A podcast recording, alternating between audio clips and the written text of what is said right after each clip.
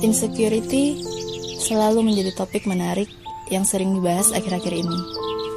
Bahkan di media sosial, tak sedikit komentar dari netizen yang mengatakan bahwa mereka tidak percaya diri karena merasa insecure. Dan ketika ditanya, hal apakah yang membuat mereka insecure? Maka sudah tentu ada banyak sekali ragam jawabannya.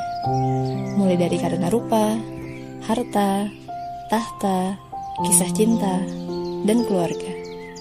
Mungkin definisi hidup bahagia dengan hidup sempurna tanpa cacat dan celah sudah menjadi impian umum di kalangan kita semua.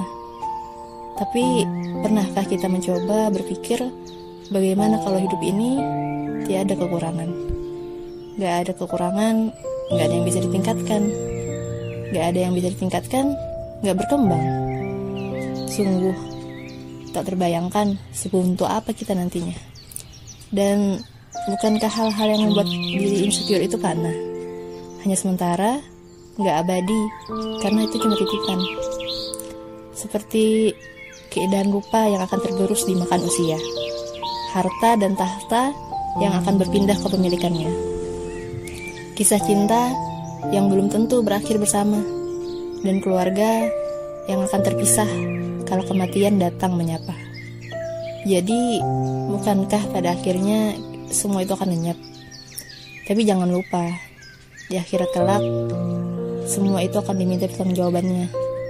Apakah titipan itu digunakan untuk kebaikan sesuai aturan yang Allah tetapkan, atau malah digunakan untuk keburukan yang bertolak belakang dengan aturan Allah? Ingatlah bahwa kita diciptakan oleh Rob yang maha sempurna.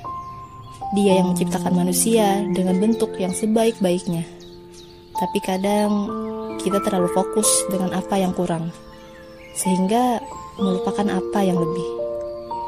Jadi, mulailah bersyukur dengan segala nikmat yang Allah berikan. Kurangi insecure pada hal-hal yang tidak mendekatkan diri pada ketakwaan. Karena sesungguhnya surga adalah tempat bagi orang-orang yang beriman dan bertakwa dan surga adalah seindah-indahnya tempat tujuan untuk kita tinggali selama-lamanya. thank